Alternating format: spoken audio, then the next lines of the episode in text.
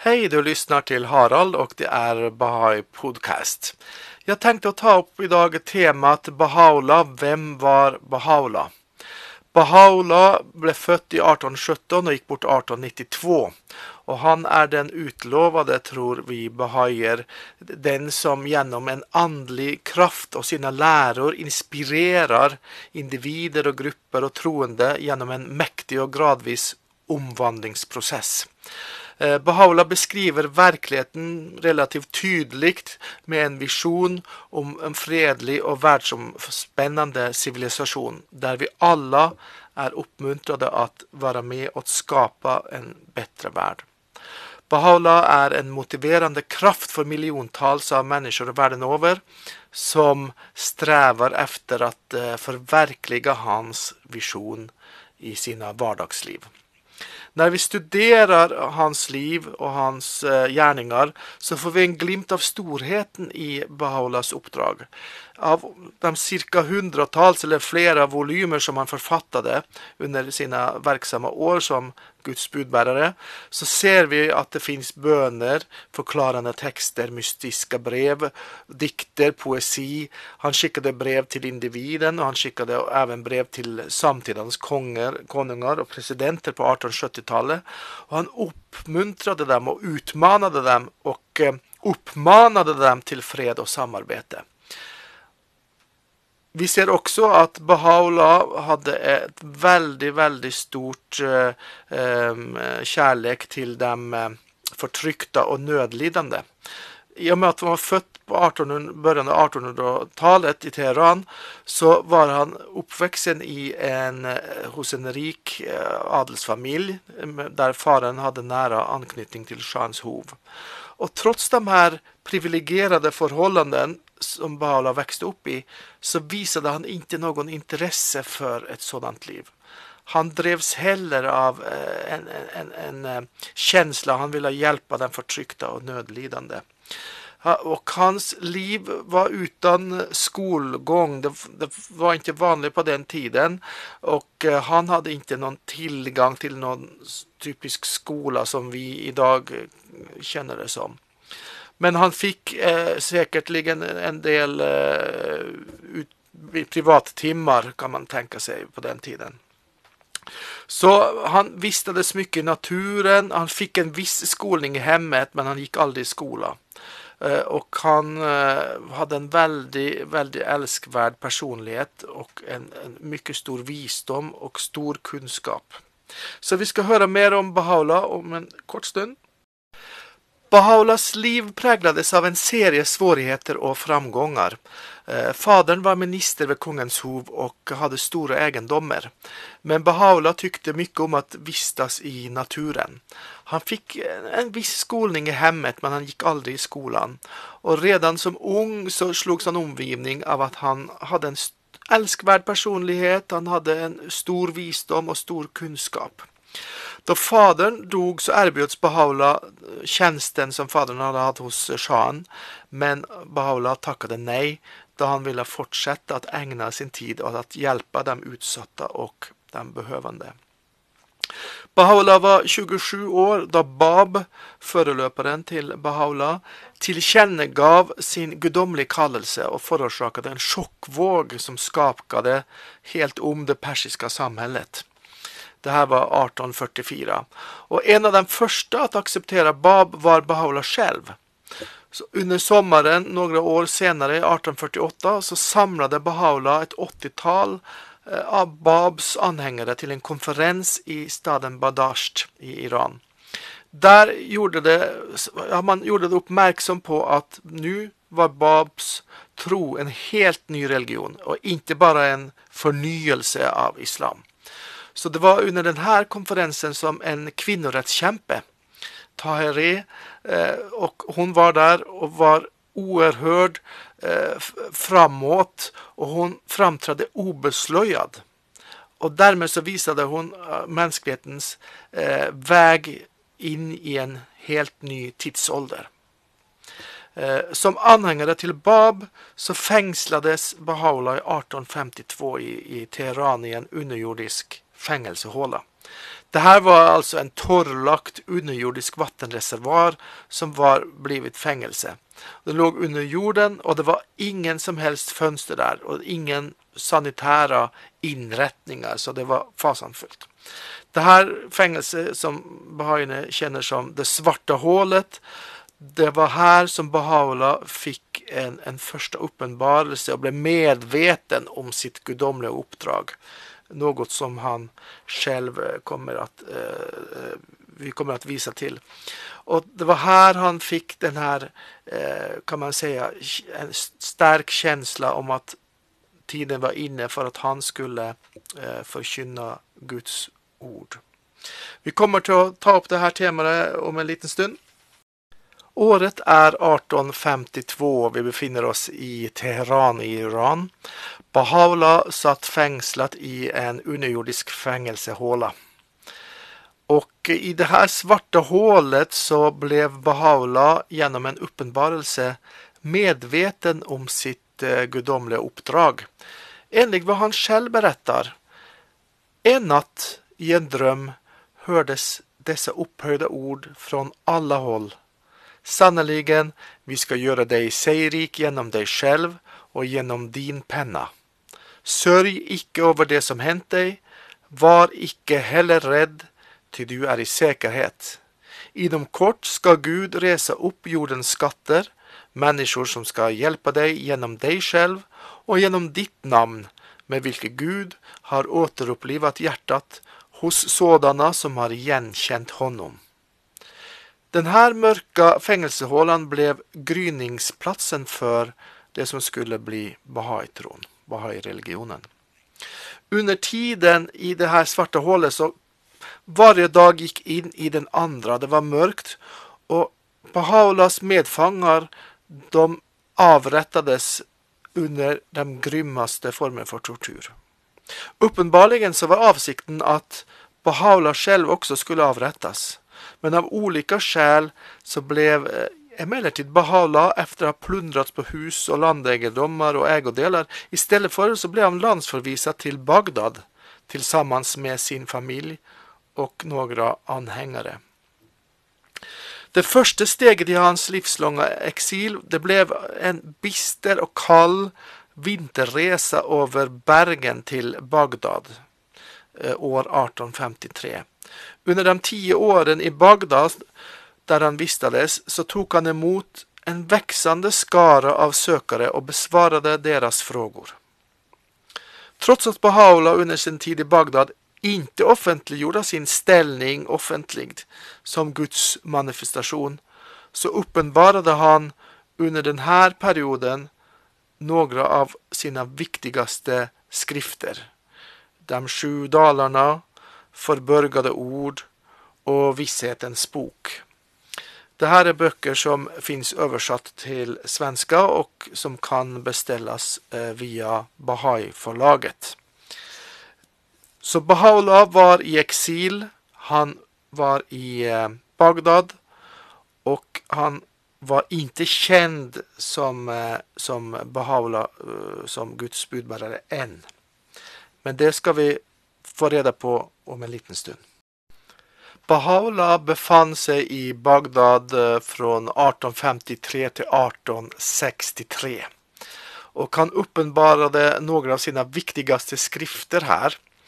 De sju dalene er en poetisk beskrivning av individens åndelige utvikling.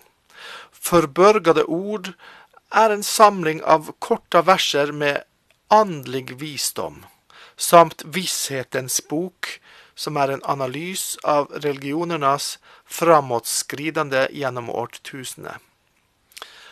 Og av folkens sett at møte de nye gudsmanifestasjonene, samt råd til menneskene om hvordan de skulle kunne utvikles til sanna søkere og gode människor. Kalifen over sunni-islam, han var även sultan av det ottomanska riket. Han började undra hva händer nu i landets sydöstra del og han beslöt seg for å kalle Bahaula til Konstantinopel, dagens Istanbul, for et møte. Og da Bahaula hadde kommet til Konstantinopel så kalte han dock ikke til sultanen. Så sultanen beslöt efter en tid av påtryckning från den persiska ambassadören att inte ta emot Baha'u'llah som han hade avsett utan att förvisa honom vidare till Adrianoper, Edirne. Så resan skedde här under hårt vinterväder i december 1863. Och den här förvisningen eh, ledde till att en Guds för første gangen i historien kom att vistas på det europeiska eh, kontinentet. Så innan avresen fra Bagdad i mai 1863 så förklarade Baha'u'llah öppet at han var den Guds manifestation, Guds budbärare for vår tid. for alle de som hadde kommet for å ta farvel med ham i Bagdad på hans forvisning til eh, Konstantinopel. Deras sorg forbyttes derpå til glede. Kan ni tenke er hvilken mulighet som lå framfor oss nå? Han skulle landsforvises, men han berettet at han var Guds budbærere. Guds manifestasjon for vår tid. Det här var motsvarende perioden 21 april til 2 maj 1863. En eh, dag som Bahaier firer, en, en, en period som Bahaier firer som en stor festival, Ritzwan-festivalen, da. Bahaula befant seg i Bagdad og det var april-mai 1863. Han forklarte nu at han var den eh, Guds manifestation, Guds budbærere for vår tidsålder och han hadde fått order om at han skulle forvises till eh, Konstantinopel av eh, sultanen. Og her var det altså at folk samlades rundt Baha'u'llah, de var lesna. Men sorgen byttes ut med mye stor glede. Han förkunnade at han var Guds budbærere. Det här var en världshistorisk betydelse som vi kan se utav den här händelsen. Och Bahaier firar den här perioden 12 dagar under perioden 21 april till 2 maj i våran tidsräkning. Så över hela världen så firar vi att Baha'u'llah uppenbarade sig som Guds budbärare. Han gör inte bara anspråk på att uppfylla de profetior som Bab hade givit utan även profetiorna i alla de stora religionerna om en Guds uppenbarare som ska förverkliga ett fredsrike på jorden. Det här budskapet, det här mäktiga anspråket formulerar Baha'u'llah så här. Den uppenbarelse som sedan urminnes tider har hälsats som alla Guds profeters avsikt och löfte och hans sendebuds mest omhuldede ønskene har nå, i kraft av den allsmäktiges gjennomtrengende vilja og på hans oemotståndliga befallning blivit uppenbarat for människorna. Ankomsten av en sådan uppenbarelse har förkunnats i alla de heliga skrifterna. Baha'u'llah forklarer at han er den som i Gamla testamentet har kallats Jave, som i evangeliet betecknas som sanningens ande og i Koranen hälsats så som den stora tillkännagivandet. Med särskild hänsyftning på kristendomen har han även sagt Ni som följer evangeliet, se portarna till himmelen har slagits upp, han som uppsteg till den är nu kommen. Fadern har kommit, det som ni utlovats i Guds rike har oppfyllts. Dette er det ord som sonen dolde når han sa det til dem som var omkring honom at de da ikke kunne bære det. Sanneligen, sanningens ande er kommen at leda er til hela sanningen. Under tiden i Adrianopel så skrev Bahavla brev til et stort antall av den tidens konunger og regenter. Han skrev til tsaren av Ryssland, av Napoleon 3. av Frankrike og Wilhelm av Preussen, den britiske drottningen Victoria, sultanen av det ottomanske riket, sjahen av Persien og påven i Rom. Det var de som fikk brev som utgick från Bahaulas egen penna. Det gjennomgående temat i breven som han skrev var oppmaningar om att sluta fred mellom nationerna, nedrusta og inrikta sine ressurser på å forbedre levnadsforholdene for undersåtarna.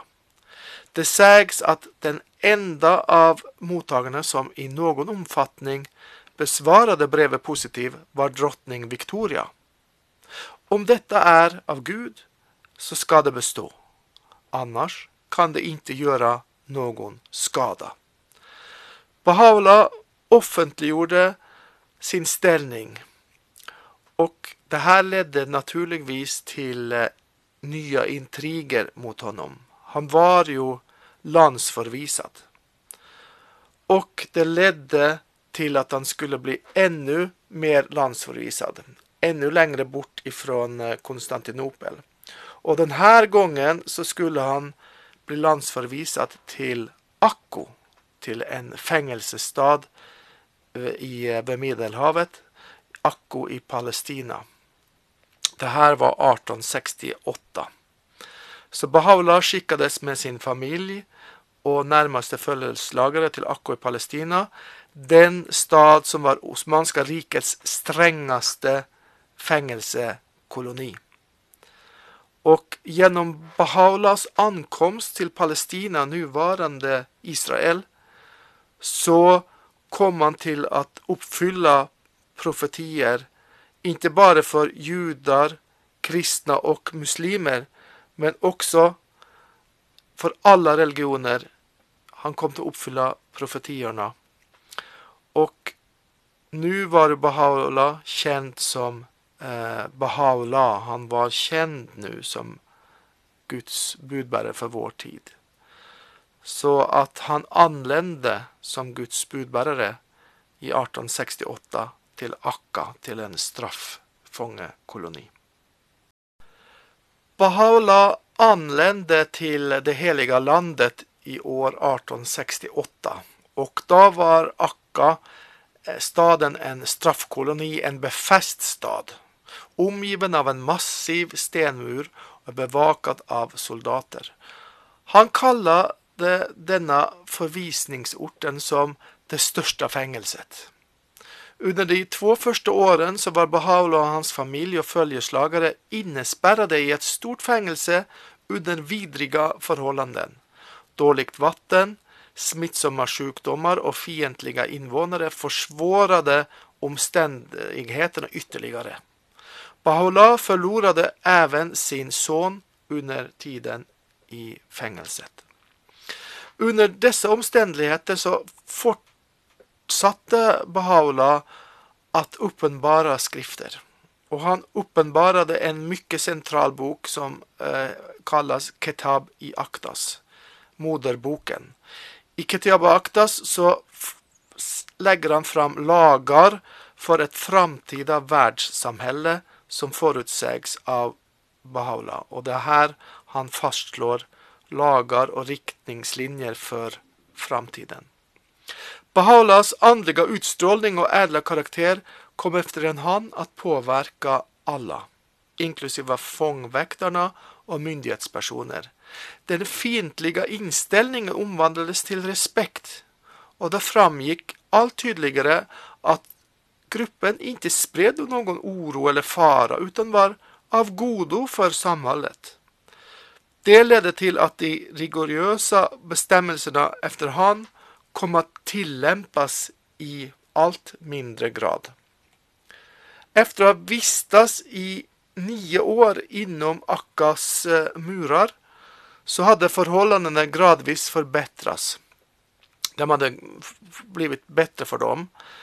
Så til slutt slut så ble det mulig for Baha'u'llah at bosette seg på en egendom med grønskende omgivningar kallat Bachi straks utanför Akko.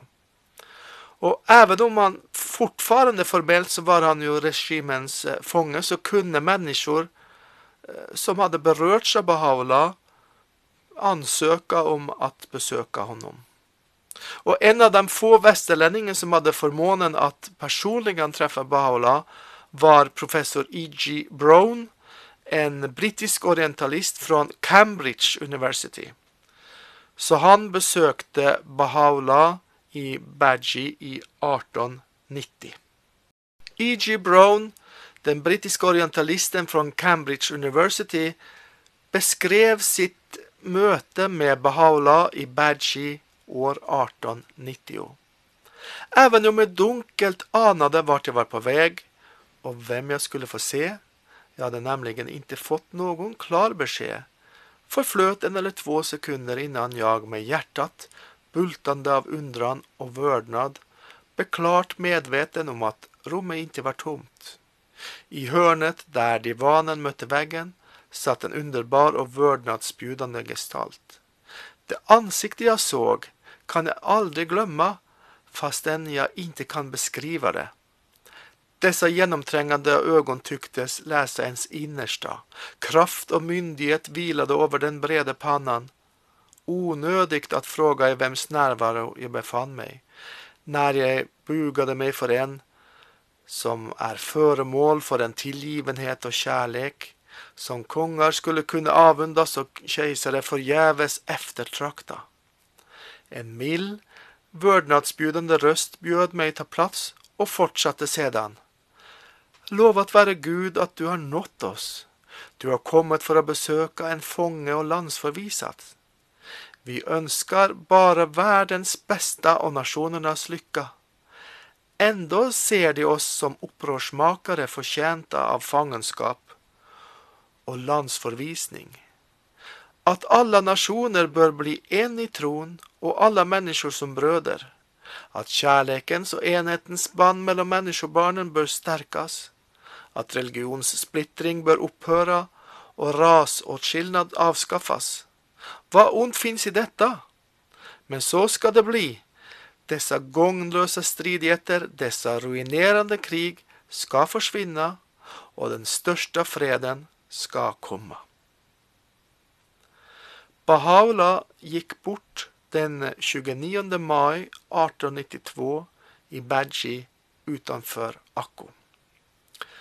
Hans grav er nå valferdsmål for tusentals pilgrimer og besøkere fra hele verden varje år. Baha'u'llah utså sin son Abdul Baha til sin eftertredere for att leda det internationella Bahai-samfunnet.